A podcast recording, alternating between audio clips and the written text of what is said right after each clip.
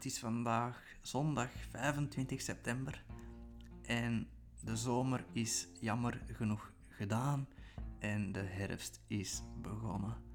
Het is vandaag ijskoud in België, dus het is tijd om een nieuwe aflevering op te nemen. Het Nederlands is niet altijd even gemakkelijk om te vertalen naar een andere taal. Het meest bekende voorbeeldje is misschien het woord gezellig. Gezellig. Waarvoor in het Engels soms het woordje cozy gebruikt wordt. Maar niet in elke context is het woordje cozy een correcte vertaling van gezellig. In de aflevering van vandaag gaan we kort spreken over een ander moeilijk te vertalen woord, namelijk mijn favoriet woord, namelijk gunnen. Gunnen. Als je bijvoorbeeld Google Translate gebruikt en je probeert het woord gunnen te vertalen, krijg je de Engelse vertaling van to allow, to grant, to award something.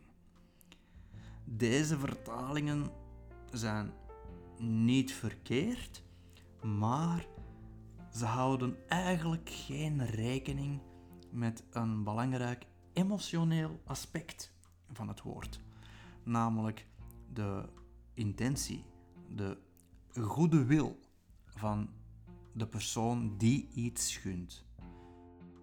Als we in het woordenboek kijken, lezen we onder de definitie van gunnen zonder jaloezie toestaan dat iemand anders iets heeft of krijgt.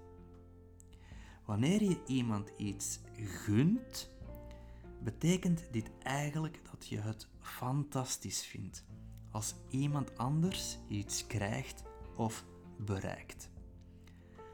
Als je iemand iets gunt, dan heeft die andere persoon iets positiefs bereikt. Bijvoorbeeld, een collega heeft promotie gekregen op het werk. Of jouw beste vriend heeft een voetbalwedstrijd gewonnen. En jij vindt oprecht, oprecht, from the bottom of your heart, dat die andere persoon dat positieve nieuws, de promotie, het winnen van de wedstrijd, verdiend heeft. Je bent oprecht blij voor de andere persoon. In het Engels of in eender welke andere taal, denk ik, bestaat er geen woord voor gunnen in de betekenis van vinden dat iemand iets verdient zonder enige emotie van jaloezie.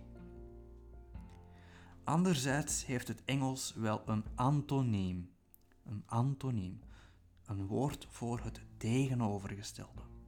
En dat is iemand iets misgunnen. Misgunnen. In het Engels zeggen ze to begrudge. Als ik bijvoorbeeld jou iets begrudge, dan betreur ik dat jij iets krijgt.